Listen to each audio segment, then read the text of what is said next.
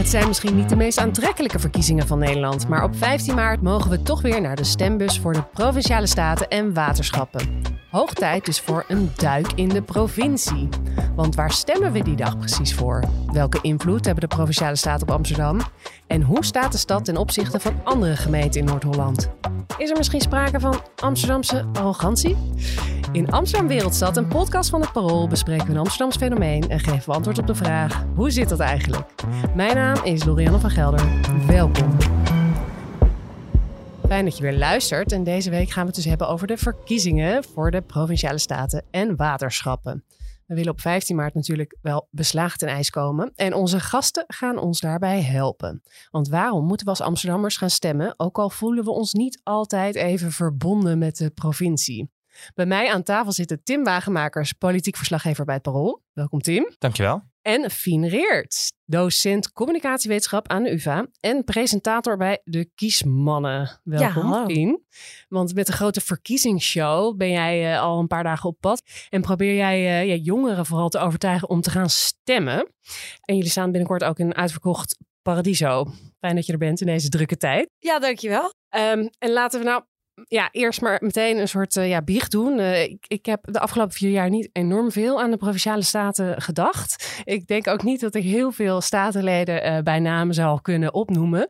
Fien, hoe zit dat bij jou? Is provinciale staten iets waar jij fulltime mee bezig bent? Nou, ga ik heel eerlijk zijn, absoluut niet. Nee, ik ben best wel altijd een beetje met de politiek bezig. Maar Provinciale Staten, dat is echt de minst favoriete. Was de minst favoriete, want nu inmiddels ben ik er wel een beetje ingekomen en ben ik best wel fan. Ja. Regionale of plaatselijke eh, politiek vind ik sowieso altijd eh, leuker dan landelijk. Dus ik zit er wel lekker in. Maar in het begin wist ik ook echt helemaal niks. Maar ja, ik moest er wel een show over gaan maken voor eh, jonge mensen. En toen heb ik gewoon als een soort nulmeting de provincies alle twaalf opgebeld en gevraagd: ja, wat doen jullie eigenlijk? Weten Ja. jullie dat? En wat zeiden ze? Nou, dat was wel heel grappig. Ehm, in ieder geval de mensen die ik sprak, die je het eerst aan de telefoon kreeg, die schrokken eigenlijk echt van, me, van mijn vraag. En die wisten hem ook eigenlijk niet echt compact te beantwoorden. Er kwam een heel gek gebrabbel uit en dat eindigde vaak in een eh, ik verbind je even door. Oh, echt waar? Ja. dat is wel echt heel erg grappig. En Tim, hoe, eh, ja, on top of your mind eh, zijn de provinciale statenverkiezingen voor jou? Over het algemeen? Eh, nou niet, maar als eh, politiek verslaggever zit ik in de gemeenteraad. En een aantal mensen die daar zitten, zitten ook in de provincie. Dus eh, van hun hoor ik dan wel eh, af en toe iets. Eh, maar die zeggen ook, ja, als je naar de provincie gaat, kan je je redelijk onbespied wanen. Er zit eh, vaak één journalist van het Noord-Hollands Dagblad. Parool is erbij als op het moment dat er echt iets spannends gebeurt. Maar bij 80% van de vergaderingen ja, is het gewoon de statenleden bij elkaar. Het is een eh, redelijk onbespiede bestuurslaag ook. Oh, dat is eigenlijk ook wel zorgelijk. Ja, dan, ja, misschien moeten we het daar ook nog ja, maar over er is, hebben. Ja. in Noord-Holland is er ook maar één journalist die zich focust op de provinciale statenpolitiek. Ja, fulltime hè? Ja, fulltime, Ja, ja, precies. precies. Ja, Ja, ja. precies. Dus het is niet alleen bij ons dat het eh, niet helemaal altijd in het versier zit. Maar Nee. goed, waar, waarvoor stemmen we nou precies op eh, 15 maart, Fien? Eh, laten we eerst even kijken naar de provinciale staten dan. Ja, de provinciale staten, ja, daar ga je dus op stemmen. En dan stem je specifiek op statenleden, zo heten ze. En die statenleden, dat zijn de volksvertegenwoordigers. En dat zijn er in Noord-Holland, omdat Noord-Holland een vrij grote provincie is, zijn dat er 55. In Zeeland bijvoorbeeld 39. Dus dat verschilt ook per provincie. Eh, en dat zijn mensen die dan ook natuurlijk bij een politieke partij horen. En dat zijn, ja, ze zijn eigenlijk vergelijkbaar met Tweede Kamerleden. Die zitten dan ook in zo'n zaal. En die controleren het dagelijks bestuur van de provincie. En dat dagelijks bestuur, dat zijn dan de gedeputeerde staten. Dat- zeg ik nu even niet zo heel netjes. Gedeputeerde staten. Ja, de gedeputeerden, of de gedeputeerde Ja. staten voluit, inderdaad. En dat zijn een beetje de ministers van de provincie. En die doen het dagelijks bestuur, dat voeren zij uit. En daarbij worden ze dan dus gecontroleerd door die volksvertegenwoordigers. En eh, in, voor Noord-Holland zitten die niet in Amsterdam. Nee, die zitten in Haarlem, onze hoofdstad. Ja, precies. De hoofdstad van Noord-Holland is Haarlem. En, en die provinciale, dit is blijkbaar ook een heel moeilijk woord, provinciale staten, eh, die kiezen ook nog eens de Eerste Kamer. Hoe, werkt dat? Ja, dat klopt. Die statenleden kiezen ook zo meteen eh, eind mei gaan zij eh, de eerste Kamerleden kiezen.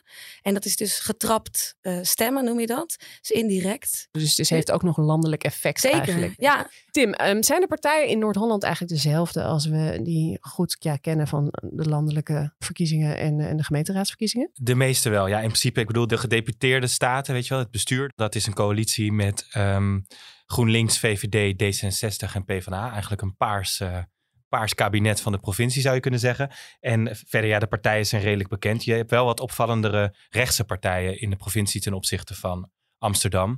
En wat opvallend was, vier jaar geleden was natuurlijk um, Forum voor Democratie de grootste partij. Ja. Uh, en ook in Noord-Holland. Nou, dat is helemaal uit elkaar gevallen. Dus nu is dat, heb je ja 21 met Annabel Nanninga die daar zit. Maar je hebt ook de fractie Baljeu, dat is weer een andere die is afgesplitst toen. En er zit ook een lokale partij in, dat is namens Noord-Hollanders. Dus um, de huidige samenstelling is een beetje paars. In Amsterdam hebben we juist een heel links college. Um, ja, hoe verhoudt dat zich tot elkaar?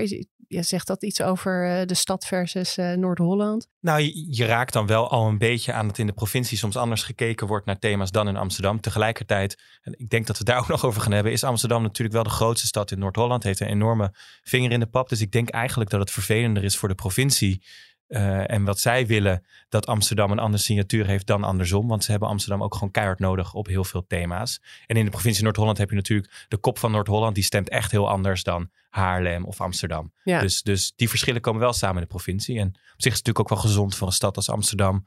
Dat ze zich moeten verhouden tot een bestuurslaag die wat breder is dan uh, alleen de ring of de buitenwijken buiten de ring. Ja, precies. Daar komen we inderdaad zo meteen nog op. Maar, maar die statenleden, Fien, ja, uh, wie zijn dat? Is, is dat een fulltime baan? Hoe werkt dat eigenlijk? Ja, uh, dat zijn mensen die niet fulltime actief zijn daar. Dat zijn mensen die parttime actief zijn. Want het idee, dus net bij de Eerste Kamer, is um, dat ze ook een baan ergens anders hebben. Zodat ze ook echt in de maatschappij staan. Oh ja, dus het is echt een parttime baan. Ja, moet ik wel bijzeggen dat um, veel statenleden, er is ook onderzoek naar gedaan onlangs, kwam dat uit, uh, voelt veel werkdruk en spendeert toch meer tijd uh, dan ervoor voor staat aan hun werk. Dus Hoeveel staat ervoor? Officieel een dag per week. Maar dat wordt toch wel ervaren als 20 tot 22 uur. Dus ja, je moet je voorstellen, als je daarnaast nog een part-time baan hebt en misschien wel een gezin, ja. dan is bijna de statenpolitiek iets voor uh, pensionado's. Ja, dus dat heeft wel zijn weerslag op wie er dan dus zich verkiesbaar stelt. Ja. En, en die dat blijft doen. Ja. ja. En um, Tim, zit er nu, ja, je noemt net al Annabel Nanninga, die zit ook in de gemeenteraad voor jaar 21. Zitten er andere nog bekende Amsterdammers in de provinciale staten? Nou, ik denk dat veel Amsterdammers misschien nog wel herinneringen en sommige ook warme herinneringen hebben aan Wil van Soest. Wil van Soest. voor de ouderen, het oudste, politiek actieve lid van Nederland. En die zit, uh, die, ja, die haalde geen zetel bij de gemeenteraadsverkiezingen, maar die zat nog wel in de provinciale staten. Uh, dus die probeert daar op te komen voor uh, ouderen. Ze heeft onder meer een motie aangenomen gekregen dat er meer oudere toiletten komen op publieke plekken. Um, uh, op de lijst voor de komende staat Marianne Poot. Die kennen mensen misschien ook nog wel. Was voormalig VVD-fractievoorzitter. In de gemeenteraad. Ja, dat was de vrouw die een motie van wantrouwen indiende tegen burgemeester Halsema. toen de uh, demonstratie op de Dam was. En oh, dat deed zij toen voordat het debat begon. Nou, dat, was niet, dat viel niet lekker bij mensen. Want hoe kun je nou iemand wantrouwen voordat diegene zich heeft kunnen verdedigen? Daar is de VVD ook wel op teruggekomen. Maar ze is terug. En in de, misschien het laatste, in de Provinciale Staten nu zitten een aantal Amsterdamse raadsleden. Dus iemand van Denk zit er, Suleiman Koyunsu, Remine Alberts. De, de, de Reminosaurus wordt ze ook wel genoemd. Is ondertussen al tientallen jaren actief in de politiek. Van de SP. Van de SP is zij. Die zit er. Annabel Nanninga zit er dus.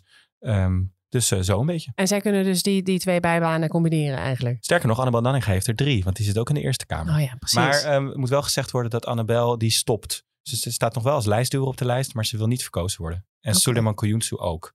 Dus uh, we krijgen er wat minder terug. Oké. Okay. En een uh, vraag aan jou, Tim. Weet jij of Wil van Soest zich verkiesbaar stelt voor komende verkiezingen? Ja, ze staat nu op de lijst bij uh, BVNL. Oh ja. Van Haga.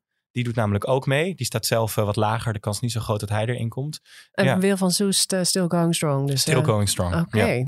En Fien, hoe, hoeveel Amsterdammers, ja, hoeveel procent gaat eigenlijk naar de stembus voor de Provinciale Staten? Is dat, dat, leeft het evenveel als, als de gemeenteraadsverkiezing bijvoorbeeld? Ja, dat was, 2019 was dat 53 procent. Dus dat is iets onder het landelijk gemiddelde.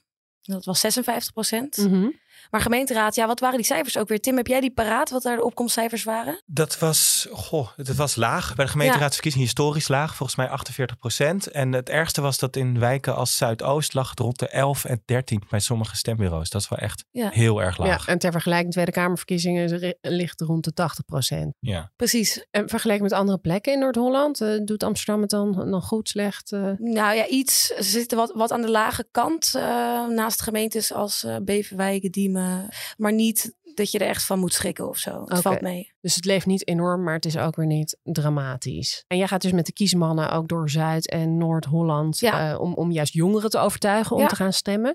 Merk je dat dat nodig is? Dat het juist bij deze groep eh, ja, niet zo leeft? Oh ja, dat is ontzettend nodig. Ehm, er kwam een onderzoek van Ipsos uit ehm, en die stelde dat op dit moment, dat hebben ze gepeild, weet maar een derde van de jonge mensen tussen de 18 en 24 in Nederland dat er überhaupt provinciale staatsverkiezingen aankomen.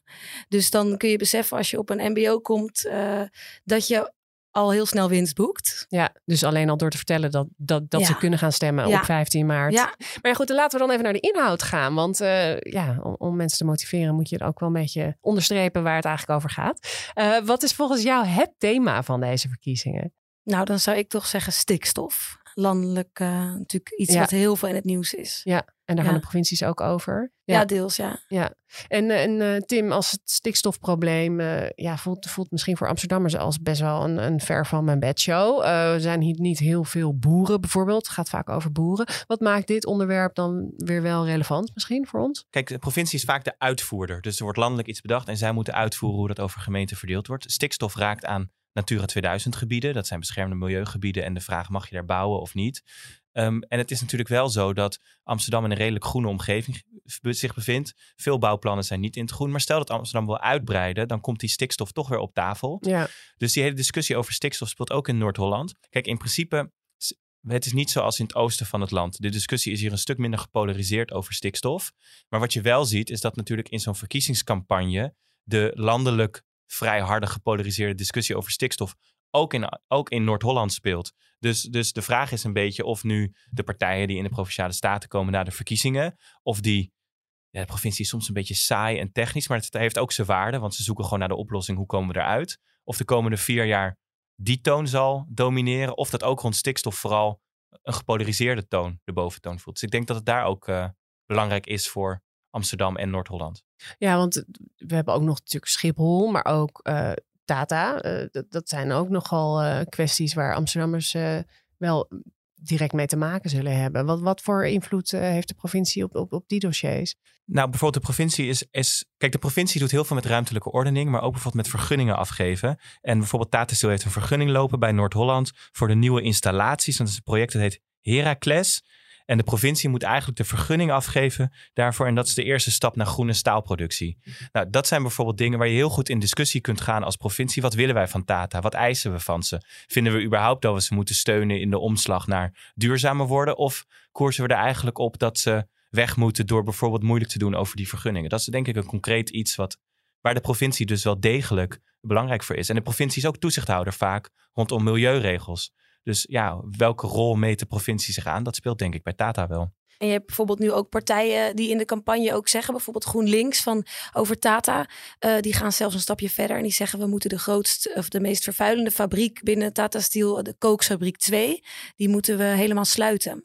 Oh ja, Ook al gaan er banen verloren. Maar vind, vind jij dan ook dat de provincie de plek is waar die discussie moet zijn, de provinciale staat? Want Tata is ook een soort landelijk symbool geworden. Terwijl het gaat natuurlijk ook om de plek waar heel veel mensen werken, familie hebben. Het is ook een soort, nou ja, als je naar de geschiedenis kijkt, een hele belangrijke plek voor heel veel mensen, Tata Steel, die verbonden is aan de regio. Ja, kijk, landelijk vinden politie er inderdaad natuurlijk van alles van. Maar misschien is ehm, het juiste plek in de provincie om die discussie te voeren. Omdat misschien het sentiment wat beter eh, gevoeld wordt onder die politici die daar ook ze in de staan regio... dichterbij. Precies. Ja. En ik denk dat dat bij zo'n kwestie... eh Tata Steel is ook een bedrijf die natuurlijk goed voor haar werknemers zorgt. Er zit best wel wat emotionele verbindenis aan het bedrijf. Ik denk dat dat, dat best wel uitzonderlijk is. Omdat nou, eerst was het natuurlijk eh, hoogovens en et cetera. Het gaat een grote geschiedenis. Dus ik denk dat het daarom juist goed is dat de provincie daarover gaat en niet Den Haag. Maar Tim, als we het dan over klimaat hebben, dan denk ik ook aan de discussies over windmolens rondom Amsterdam.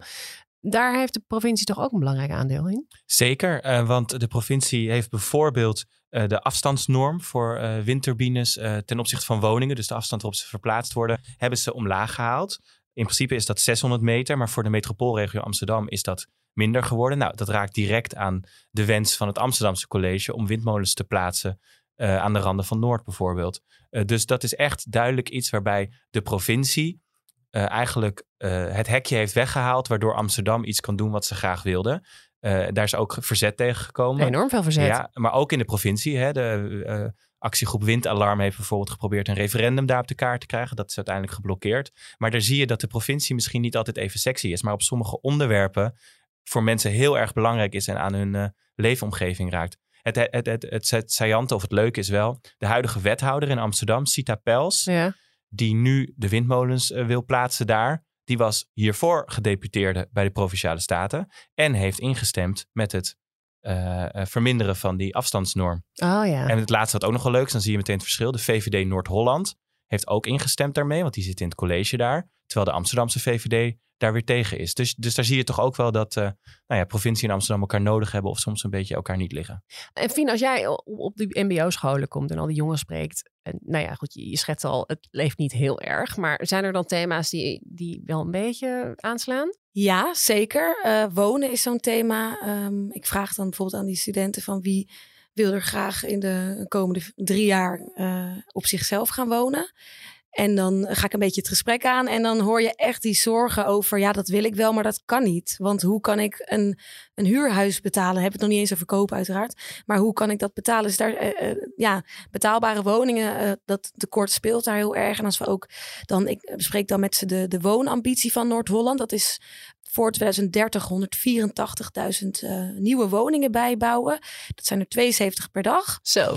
Um, dan zitten ze wel echt uh, met de handen in het haar van, dat gaat toch nooit lukken. Dus dat is wel een thema waar ze echt wel, je ziet ze fysiek daarop aangaan. Die kopjes gaan dan uh, echt, van, gaan dan echt omhoog. Want, want Tim, hoe werkt dat dan? dan? Moeten we in Amsterdam dan toestemming hebben van de provincie om woningen te bouwen? Wat, wat voor rol heeft de provincie daarin? En de provincie heeft bijvoorbeeld eind dit jaar, die hebben dan een bod gedaan bij minister Hugo de Jonge van hoeveel woningen kunnen wij bouwen en op wat voor plek gaan we die plaatsen.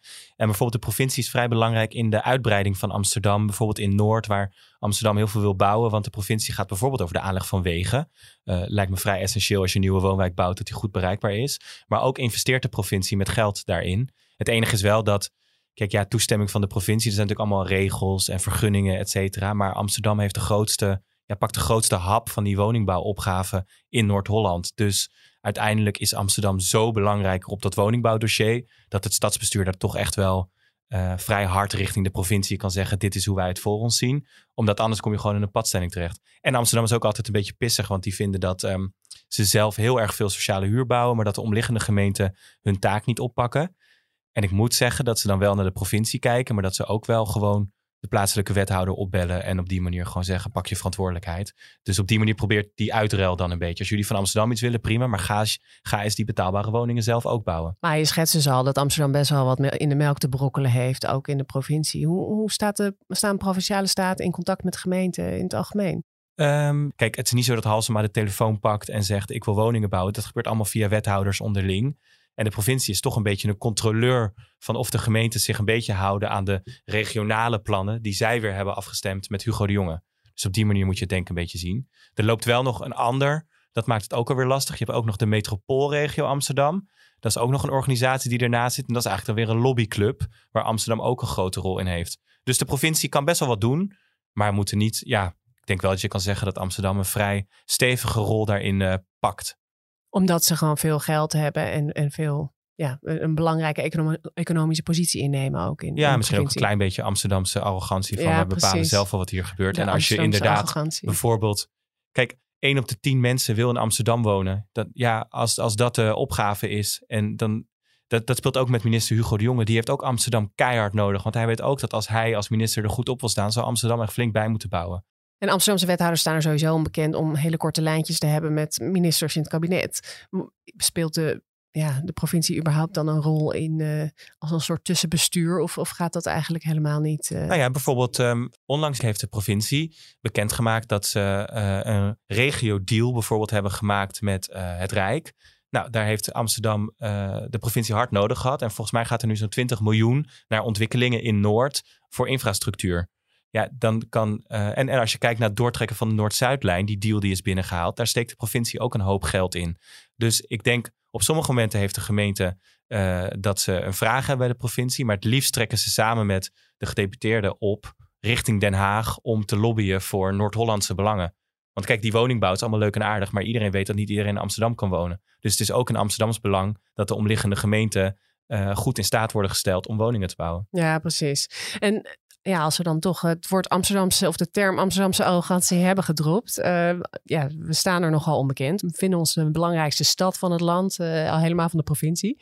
Um, ja, worden we daar ook wel eens op aangesproken door, door andere steden of, of, of door de, de provincie? Wat, wat merk jij daarvan, via die Amsterdamse arrogantie? Nou ja, ik denk dat veel Amsterdammers zich niet altijd helemaal goed beseffen dat ze ook echt onderdeel zijn van een provincie, van de provincie Noord-Holland.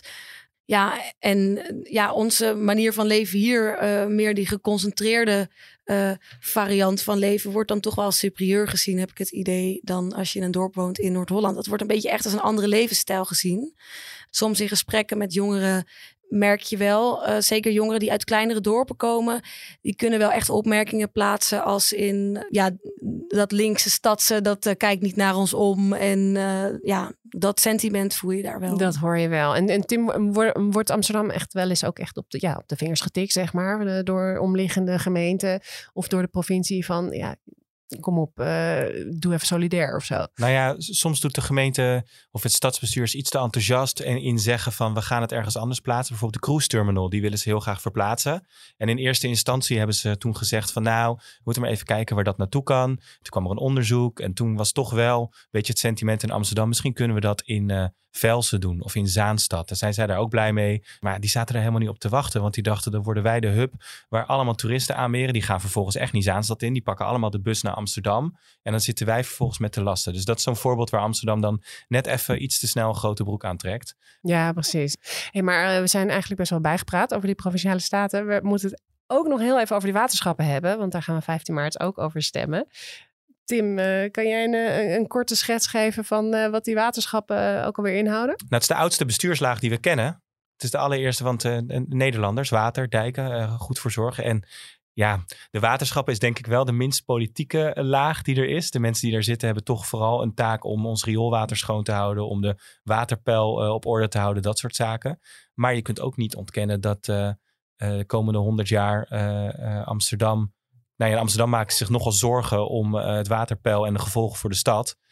dus het waterschap is in die zin een belangrijke plek. Ik moet wel eerlijk bekennen, Fien, of het nou heel veel uitmaakt op wie je stemt bij de waterschappen. Nou, er valt inderdaad niet heel veel te kiezen, maar toch, je hebt ook een, een, een stemhulp ervoor, een stemwijzer. Sommige partijen die handelen meer in het belang van de burger, versus andere partijen die handelen meer in het belang van natuur. Dat is wel iets waar soms nog wel wat te kiezen valt. Ja, en wat natuurlijk concreet is, is belastingen. De, de, de, de, de, waterbelasting die je betaalt. Dat is natuurlijk ook nog een keuze. Hè? Wat, dat, ja, dat is een goede motivatie. Ja, toch een klassiek links-rechts uh, Zeker. ja, die bedrijven, de vervuilende bedrijven extra uh, belasten. Ja. Uh, ja.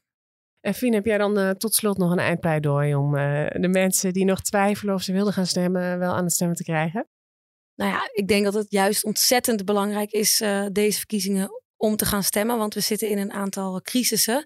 En daar gaat die provincie echt over. Klimaat, wonen. Ik noem er twee. Stikstof. Um, dus als je daar een vinger in de pap wil hebben zelf, dan zou ik zeker naar het stemhokje gaan 15 maart. Oké. Mag ik jullie hartelijk bedanken voor deze uitgebreide toelichting van de Provinciale Statenverkiezingen 15 maart. Tim Maagmakers en Fien Reert. Dit was Amsterdam Wereldstad, een podcast van het Parool. En de productie werd gedaan door Verena Verhoeven, de eindredactie door Josien Bolthuizen. Rinke Bartels maakte de muziek en het artwork is van Sjoukje Bierma. Wil je nou meer lezen over dit onderwerp? Ga naar parool.nl of download de Parool app. En we zetten ook al een linkjes in de show notes. Ja, of volg de Kiesmannen, want uh, dat zijn fijne shows en lekker uh, toegankelijk. Reageren of vragen stellen kan via podcast.parool.nl. Hartelijk dank voor het luisteren en tot volgende week.